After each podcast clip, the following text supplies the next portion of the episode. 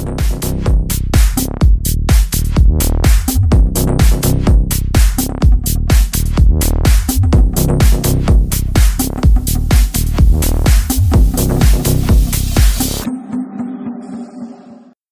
yo yo yo, what's up guys? Kembali lagi bersama kami yang pastinya di podcast bola yang seru abis di mana lagi kalau bukan di Offside, Offside Media Network. media. Oke, Ya, mau bahas apa nih, Ran, hari ini? Ya, kali ini kita mau bahas soal timnas Indonesia ya. Kebetulan kan eh, kita tahu bahwa timnas Indonesia baru aja menjalani pertandingan persahabatan melawan Timur Leste. Jadi di sini kita mungkin mau coba eh, bahas terkait dua match tersebut gitu. Kita langsung aja Betul. masuk ke di pertemuan pertama kali ya. Ya, mungkin sebelum kita bahas tentang kayak pertandingannya dulu, gue pengen sedikit langsung menyorotin nih ke bagian line up-nya. Nah kan seperti yang Ya. lu pada tahu ya, jadi di eh, pertandingan kali ini nggak ada pemain Indonesia yang abroad gitu kayak Egi, Witan, Betul. Elkan segala macam. Jadi mostly ini pemain dari Liga 1 gitu, yang Iya, bermain iya. di Liga 1. Pemain Nah, Liga lokal Kenapa ya. itu penting karena kalau nanti dilihat lagi gitu dari pertandingannya itu permainannya masih sangat Liga 1 lagi. Bisa dibilang kayak kembali ke setelan pabrik Indonesia yang dulu-dulu gitu. Hmm, Ya kan? betul betul betul betul. Apa ya kalau emang eh, mungkin kita lihat dulu dari line up-nya kali ya kita sebutin dulu siapa aja. Em, Hmm. Emang betul kayak yang kata lo bilang gitu ya nggak ada pemain yang abroad bisa dilihat striker mulai dari Dedik bermain di belakang dia ada Evan Dimas, Rumakik dan Irfan Jaya terus di belakangnya ada Kamboya Irianto dan backnya eh, duet Fahrudin Dewangga. Back kiri juga kemarin kebetulan bukan Arhan yang main itu Edo dan back kanannya Fauzi main di Bayangkara FC Iya. ya gue setuju sih sama apa yang lu bilang gitu ya. Kalau kita eh, lihat kilas balik dari AFF sendiri itu kan kita tahu gimana kontribusi dari eh, pemain-pemain yang memang abroad tadi gitu ya dilihat dari chemistry yang mereka bisa benar-benar ada banget gitu mereka tahu gimana cara harus bermain membangun link play yang baik dan sebagainya gitu ya dan di match ini kelihatan memang ya kembali ke setelan pabrik Liga 1 gitu. Mereka ingin coba main passing-passing pendek nggak dapet gitu kan kre- kreativitas kurang dan ya cukup banyak juga bermain bola-bola yang pragmatis kayak crossing dan lain sebagainya gitu yang bisa dibilang kurang efektif sih. Betul. Nah, kalau dilihat juga nih eh perbedaannya yang gua kelihatan jelas ya sama yang pas AFF kemarin tuh ini kayak pergerakan tanpa bola itu beda banget gitu. Kemarin tuh ya was AFF jadi misalnya contoh kasus nih gue sebagai Rahmat Irianto megang bola, terus gue ngoper Hmm. ke sisi sebelah kanan gitu, ngoper ke Asnawi gitu misalnya. Nah pemain lain itu muter gitu loh Ya. ke sebelah kanan kayak gitu untuk ngejar bola. Nah di pertandingan kali ini tuh kelihatan banget kayak kalau kita udah lagi bawa apa ya build up gitu, terus udah nyampe misalnya back kanan tadi nih, contohnya kita udah mau mulai serangan ya kan, mulai serangan biasanya dari Iya, eh, umpan ke half space atau enggak ke wing atau langsung direct ke target man ya. Nah di sini tuh kayak Iya. kelihatan dikit banget orang ya, karena ya pada Iya. di tempat masing-masing gitu, nggak Terlalu Iya. ter- terlalu pasif ya. Iya betul. Betul betul Sangat sih. Emang ter apa kalau dilihat yang AFF betul sih kalau lu bilang kalau emang Asnawi bangun jadi ada pemain lain gitu loh yang bisa menjadi supportingnya lah ibaratnya. Jadi si Asnawi ini juga nggak kekurangan opsi buat mungkin ngoper dan lain sebagainya gitu. Itu sih. Mm-mm. dan eh, bisa dilihat juga kali ya dari perbedaan mental pemainnya juga. Kita lihat kemarin tuh ada satu blunder juga gitu ya. Mungkin Iya. beberapa cuman yang benar-benar disorot itu kan si Edo ya Edo itu ya. Sebenarnya banyak, tapi- juga gua nggak tahu bagaimana Ya, yang jadi gol cuma satu untungnya, Iya, yang yang disorot itulah pokoknya yang sangat Ya. krusial ya. yang menjadi gol. Ya. Sebenarnya ada satu lagi yang jadi penalti juga. gitu. Jadi penalti. Betul betul betul. Ya apa ya, gue mungkin emang dia masih apa ya bisa dibilang kayak demam panggung gitu kali ya, masih belum terlalu siap atau gimana. Iya. Jadinya agak nervous sampai dia ya indecision gitu loh, salah keputusan, opernya juga salah sampai ada kan bisa dapat berujung gol juga. Kelihatan banget ya menurut gua kenapa bisa dibilang ini bukan masalah skillnya yang jelek atau segala macam dan ini cuma demam Iya. panggung itu kelihatan dari cara kesalahan itu terjadi gitu kesalahan itu terjadi Mm-mm. karena dia terlalu buru-buru sebenarnya dia bisa Iya. apa ya Bisa agak- misalnya tahan dulu bolanya jangan langsung Tahan, one benar, touch benar, benar. pass gitu jangan jangan ngepassing kalau emang belum 100% yakin gitu Iya. Soalnya karena krusial gitu sebagai seorang Iya, back betul, ya betul. Bagi seorang back kalau salah umpan, apalagi dia posisinya ini Indonesia lagi nyerang, tinggal sisa dia sendiri di belakang. Dia Iya. salah passing ke lawan, dia bisa di counter dengan sangat easy.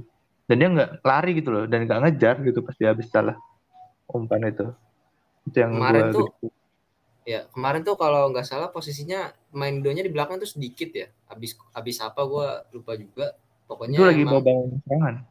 Iya, bener kata lu eh, ya dia dia ya harusnya bisa lebih baik lagi gitu loh. Seenggaknya bola ditahan dulu setelah dia dapat jangan langsung oper gitu loh. Soalnya sebenarnya kan pemain si pemain Timnas juga sebenarnya nggak deket-deket banget gitu loh. Emang dianya yang salah ngoper kalau dari yang gue lihat ya. Hmm, Dia bisa agak tekuk kanan dikit, ngoper sama temennya yang lebih deket. Kalau nggak ngoper ke kiper juga bisa. Iya. Jadi ya bukan masalah skill sih, tapi emang eh, mentalnya aja sih belum siap. Maksudnya gini, kalau misalnya eh alibi dia, ah gue takut kerebut gitu kalau bisa kelamaan bawa bola. Ya udah mending lu umpan ke belakang lagi gitu daripada umpan Iya. ke depan tapi Iya, salah bener. atau enggak lu bisa apa ya protect the ball gitu. Kayak Hmm. eh, tahan pakai body gitu. Jadi lawannya nggak bisa langsung ambil bolanya. Kan bisa kayak gitu. Dia bisa turn, muter badan, ngadepin ke gawang gitu, ngadepin gawang kita. Jadi misalnya kayak rebut pun dia bisa langsung eh, jaga-jaga umpan ke kiper. Ya, setuju, setuju. Emang kemarin eh, agak maksa juga sih dia tuh, makanya jadi blunder juga. Ya, dan terlepas Eh, walaupun gitu ya, ya silakan silakan. walaupun eh, apa, ya kita menang besar gitu kan, dan setuju sih gua eh, belum terlalu optimal dan kebanyakan golnya tuh yang bisa dibilang aneh. Dalam tanda kutip aneh ya gitu, walaupun kita menang 4-1 tapi masih jauh banget dari yang di expect. bener-bener gara pas kipernya lawan ganti langsung jadi cacat banget beda banget kiper satu dan kiper kedua Timor Leste itu Iya makanya banyak banget bikin blunder juga ya. Apa eh, komunikasi juga kurang dia sama back depan dua back depannya dia itu center backnya dia juga ya nggak bisa ngantisipasi bola throw in. Emang kebetulan mungkin karena lawan kita Timur Leste juga kali ya yang secara di atas kertas kan memang di bawah kita juga. Jadi ya agak kebantu sama itu juga. Makanya golnya juga cukup banyak gitu. Iya setuju. Dan emang Timor Leste nyerang cuma pakai dua orang ya. Yaitu yang nomor 21 si Iya. Gali Paulo Gali sama satunya lagi itu yang Gali. nomor 10 gitu. Gue lupa namanya nomor 10 sih. Nyerangnya cuma dari situ. Ah Mouzinho itu. Mereka cuma itu yang ini ya apa gagal penalti. Itu ya? Apa yang satunya? Lagi Mouzinho Iya, Mouzinho di sini. Oh iya Iya, betul betul. si- dia ditepis penaltinya. Untung kita nggak kebobolan dua itu ya. Kalau kebobolan dua apalagi babak pertama kan. Nah, gue nggak tahu dia. sih itu Ya. reaksinya Sinteyong di bangku cadangan tuh gimana di kamar ganti. Bener. Dan gue nggak yakin juga kalau udah kalau dua kosong bisa balik lagi tuh kayaknya agak susah sih. Makanya. Dengan mental 3-1 ya. Degil-degilan Iya, sorry bukan lagi. Dan dan secara permainan juga sebenarnya nggak nggak nggak yang benar-benar bagus banget. Jadi ya untungnya kita masih kebobolan satu ya di babak pertama jadi masih bisa balas dan emang di babak kedua ya di babak kedua kan kita juga masukin beberapa pemain-pemain andalan juga kayak Arhan akhirnya masuk ya kan? Terus Dedik pun diganti ya yang cukup bukan cukup ya mengecewakan ya bisa dibilang ya di match ini. Dedik is Dedik ya, Iya, kita udah udah kayak terbiasa lama-lama. iya makanya. Gue nggak tahu lagi sampai kapan sabarnya Sintayong juga. Iya. tapi ya semoga dia bisa bisa bisa akhirnya menghasilkan juga ya buat timnas kita yang tunggu-tunggu. Makanya setelah yang pertandingan kemarin tuh sebenarnya Sintayong langsung kayak eh, mendorong PSSI biar cepet-cepet menyelesaikan proses naturalisasi pemain-pemain Belanda gitu. iya iya. Jadi jadi biar bisa nambah kekuatan lagi. Kayak misalnya nih sekarang contoh empat orang atau lima orang dari yang abroad itu nggak main aja udah kelihatan banget bedanya gimana kalau nanti Mhm. gitu betul loh. betul Takutnya ke polanya depannya kalau nggak jelas ya Heeh. Iya. Jadi at least ada apa ya pelapis yang sepadan gitu skillnya atau lebih baik. betul betul betul, betul. mungkin di sini kalau ada satu pemain yang bisa gue sorot gitu ya Ricky Kambuaya sih itu itu orang uh makin hari makin bagus pak makin mateng ya Gitu. Menurut gue yang buat dia beda sama pemain Indonesia lainnya ya berani sih dia berani itu aja Ya. karena lihat tipikal gol dia juga lah dia bisa bawa bola bawa gocek bola ke depan dan dia berani shooting gitu loh kita nggak banyak lihat pemain Indonesia kayak gitu ya paling kalau kalau Setuju. ada juga bolanya ketinggian lah, kayak Dewangga Dewangga tuh di di AFF banyak banget shoot dari jauh tapi nggak tahu bolanya ke mana kan ya. tipenya tuh yang ini apa whole player dia tuh bisa umpan bisa nyetak gol juga bisa Iya. fans juga gitu Iya. bener-bener kayak Kante lah istilah kalau di Liga Inggris tuh bener-bener bisa Betul. semuanya tipikal tipikal center midfielder banget sih emang bisa bantu Iya. nyerang bisa bantu bertahan juga harus dipertahanin sih gitu. ya kita sangat bersyukur bisa dapat pemain kayak ini tinggal nunggu obrol aja sih ya gue juga sama karena kalau Bruce bisa naikin lagi oke. Terus selain itu apa ya? Terence mungkin ya? Tapi gue mau Terence di leg kedua sih. Ya Terence Terence cukup cukup bagus juga walaupun dia baru bermain sebentar ya kalau nggak- kalau nggak salah ya dan. Sebenarnya nggak terlalu kelihatan dibandingin leg kedua ya dan. Mungkin ya cukup kali ya Fli buat leg satu. Akhirnya Iya, skor akhir 4-1 gitu kan. Nggak begitu banyak yang bisa dibahas sih karena ya mainnya juga gitu-gitu aja. Iya, iya, iya. Paling ya eh, skor sama itu banyak kan salah-salah individu dari Timur Leste aja sih. gitu Oke, kita lanjut aja kita ke pertemuan kedua kali ya. ya Eh, yang unik dari eh, match ini kan dari yang kita tahu kan banyak pemain yang kena COVID juga kan ya. iya Sampai Akhirnya. akhirnya apa cuman ada lima di cadangan dan eh, yang pengen gue lihat sebenarnya sih ada pemain yang eh, apa Sintayong bisa nurunin pemain yang beda dari leg satu dan memang akhirnya ya terrealisasikan juga ada beberapa pemain yang pemain baru yang main dan ditunggu-tunggu contohnya kayak Marcelino main di attack infielder terus akhirnya kita bisa lihat Terence juga main dari awal sama Ronaldo Hmm. nah, ini Nah, gue bisa mengomentari ya. Kalau Terence memang kelihatan sih dibandingkan tiga eh, dua orang yang muda-muda tadi itu yang lu sebutin Ronaldo Ya. sama eh, Marcelo jelas Terence sudah lebih matang ya. Dia lebih Betul. matang. Eh, dan itu golnya bagus itu gol chipnya tuh bagus dan pengambil keputusan benar-benar itu kalau kalau di Dedi gue belum tentu ya tuh bisa gol atau enggak. iya makanya suka gua suka sama gue bener ya Iya. bagus lah dia bisa memanfaatkan uh, peluang yang dia dapat juga gitu Iya, gue rasa dia bakal dipertimbangkan kayak mungkin nanti kalau di squad AFF misalnya ada Irfan Jaya jadi kayak ada buat pesaingnya Irfan Jaya gitu di posisi yang sama supaya ada Iya benar. kalau dulu kan kayak Irfan Jaya walaupun main jelek kayak tetap dimainin terus karena nggak ada yang lebih bagus gitu pas AFF Iya. Dan tipikal pemain yang apa ya bisa dibilang sayap banget gitu ya. Kemarin di AFF Iya. kan paling Irfan Jaya aja gitu kan. Paling kalau ada kayak Yabes Roni itu juga jarang main kan. Kita nggak tahu Iya. juga Yabes bisa. Witan ya kan Witan nggak terlalu ya? Witan nggak terlalu winger Witan tuh lebih lebih playmaker sebenarnya. Link up Iya. link playnya sama Egy itu bagus banget sih. Apalagi yang gue nonton kan yang pas eh, laga pertamanya sama Senika tuh. Iya. bagus sih. Oke. Ya. cuman emang Itu ya karena menurut gue ya laga persahabatan. Sebenarnya eh, Senika di babak pertama banyak banget peluangnya bisa nyetak dua Hmm. sampai tiga gol. Itu peluang bener-bener peluang bagus ya. Cuman sayangnya emang nggak nggak masuk aja. Iya betul betul. Itu main berdua ya? Dia sama Egy juga dimainin kan ya nggak salah. ya? ya kan demi ini penonton Iya sih. Indonesia kan udah dikasih Pintar. ini kan tiket Pinter pinter pinter. harus dimainin Iya. Oke, eh, kita balik lagi gitu ya ke match Indonesia lawan Timor Leste ini. Mungkin kita sorot dari permainannya. Eh, gak jauh beda gitu ya dari eh, leg 1. Cuman mungkin harus sorot di leg 2 ini lebih ke daya juang, intensitas sama tempo permainannya aja sih. Lebih Iya. lebih lambat. Lebih Iya. lambat dan nggak nggak nggak kelihatan mau ngejar atau nambah gol lebih banyak gitu loh mungkin se- lebih dari tiga atau mungkin satu kosong di babak pertama itu sih Ya, apalagi di babak kedua ya, yang leg kedua tuh, eh bukan, pertama kedua. Di babak kedua tuh Ya, bener-bener itu nggak menurut mainnya. Cuman kayak Iya, umpan-umpan jauh doang, nggak jelas, boleh balik lagi. Jadi Heeh. Beda banget, iya, bener-bener 150 derajat lah sama yang kemarin. FF Benar. gitu.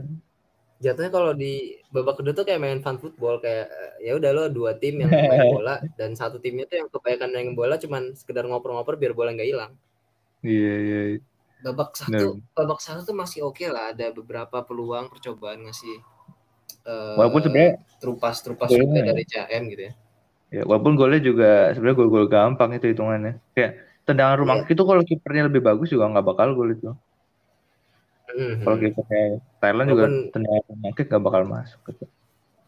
Iya. Dan ada eh ya pokoknya jauh banget lah ya dari yang half time dan second half gitu ya. Di second half tuh kebanyakan eh, salah passing ya. Itu yang patut di garis bawahi juga dan gua rasa Sintayong marah sih itu ngeliat di babak kedua udah tempo permainannya lambat gitu ya. Intensitasnya juga jadi biasa aja gitu kayak ya udah kita sekedar main bola aja kita udah menang 1-0 gitu. Cuma kebanyakan salah passing itu yang basicnya sih. Itu yang penting. Iya, sebenarnya dari AFF pun juga ini salah satu problem kita ya. Jadi main di babak pertama bagus, main babak kedua enggak dan sebaliknya. Main babak Nah, pertama jelek, main babak iya. kedua bagus. Itu sering banget terjadi itu kayak hampir setiap laga sih. Iya. Jadi itu jadi PR sih, itu konsisten. ya itu-. Emang itu yang disorot banget sih bahkan uh, oleh beberapa pandit-pandit lokal juga gitu ya emang. Main kita berkembang gitu ya di bawah Sinteyong gitu ya bahkan bisa dibilang cukup bagus cuman belum bisa konsisten khususnya buat bermain dengan 90 menit dua babak gitu belum bisa. Biasanya emang kita bagus di satu babak dan satu babak lainnya ya turun gitu. Betul. Ya itu harus diinin sih. eh, dicari lagi kenapa bisa terjadi. Soalnya kalau menurut gue bukan masalah stamina sih. Karena stamina udah udah bagus juga terbukti. Kayak bisa bisa main sampai 90 menit lawan Vietnam masih fokus itu juga kan terbukti bahwa gila, stamina. Men, apakah motivasinya kurang atau gimana gue nggak paham. Iya. Apalagi kan kalau lawan Vietnam kan udah ada jaminan buat keserang habis-habisan ya. Iya, Pastinya harus kerja keras banget. tuh. Setuju. Eh gue mau gue mau sorot Marcelino kayak ya buat kalau gue ngomong di babak pertama cukup bagus juga gitu ya dia bisa eh, memberikan beberapa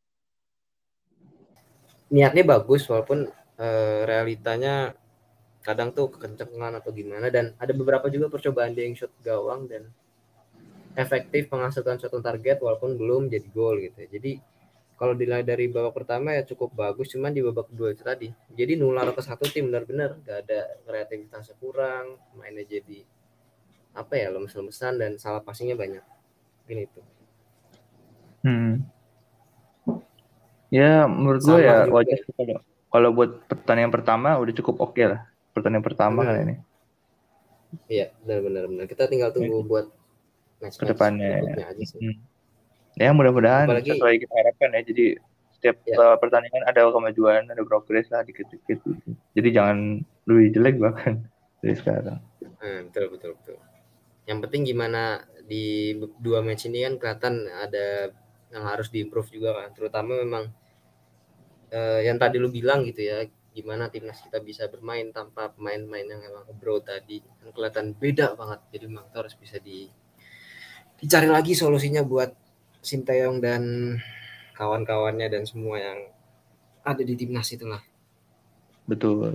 Nah, eh, ditambah lagi ya kalau misalnya nih squad yang sekarang yang sekarang kemarin main itu udah lebih bagus dan bahkan bisa main gue rasa kalau eh, buat pertandingan eh, kompetisi-kompetisi udah cukup pede sih Indonesia buat at least dapat juara dua mungkin. Iya, iya. Benar, benar, benar. Apa ya? Emang kalau dari komposisi pemain sebenarnya gue cukup berharap sih ya. Ber- cukup berharap untuk bisa seenggaknya gitu ya pemain-pemain yang dipanggil kayak yang ditunggu-tunggu tadi Marcelino, Ronaldo, Puhiri benar-benar bisa jadi pemain dalam tanda kutip mungkin cadangan gitu lah atau pemain yang benar-benar bisa bersaing sama pemain utamanya jadi kita juga nggak kekurangan opsi gitu loh kalau emang Hmm. pemain buntu gitu pemain kita buntu main-main utama kita buntu kita punya pemain cadangan yang emang kualitasnya sama gitu loh Nah itu dia. Emang karena sih, potensinya eh, gede pak. Betul. potensi main-main yang baru ini gede banget Marcelino Ronaldo itu bagus banget itu mereka cuman Iya. emang masih butuh jam terbang aja Betul. Ya kita doakan terus ya supaya timnas kita semakin bagus dan di- Iya. ditunggu eh, selanjut-selanjutnya ya pertandingan Indonesia lainnya. Seperti yang udah di podcast episode sebelumnya, jadi eh, ditonton aja kalau misalnya teman-teman belum tahu nih eh, agendanya Indonesia atau bisa lihat di internet juga Iya. Ag- agendanya selama Iya, satu tahun 2022 ini kan banyak ya Indonesia. Betul, cukup padat sih. Jadi nggak bakal meng jadi kayak nggak kadang-kadang orang kayak udah kelamaan nih nunggu Indonesia jadi sudah kehilangan hype-nya. Nah, gue sih bisa Hmm. kalau di tahun ini kayaknya nggak bisa sampai kayak gitu. Jadi bisa ditunggu gitu. Betul, betul, betul. Oke. Oke. Gua dari gue cukup sih, Fli. Itu aja lah Iya, buat gitu, timnas ya. kita dua match. Kita berharap lebih Nanti bagus aja lah buat ke depan. Tuh, kalau ada hal-hal yang nanti seru-seru lagi dari timnas kita bakal bahas lagi ya kan, Ran? di episode-episode Betul, selanjutnya. betul. Iya, iya. Kita juga udah banyak sih ini eh, ngebahas timnas juga, jadi ya ditunggu aja lah. Pasti kita akan terus pantau. Ya, iya betul betul. Oke kalau gitu dari gua Rafli pamit. Dari gue Zahran pamit. Oke, sampai jumpa di episode selanjutnya dan stay healthy, stay positive and stay happy guys. Bye bye. Bye bye.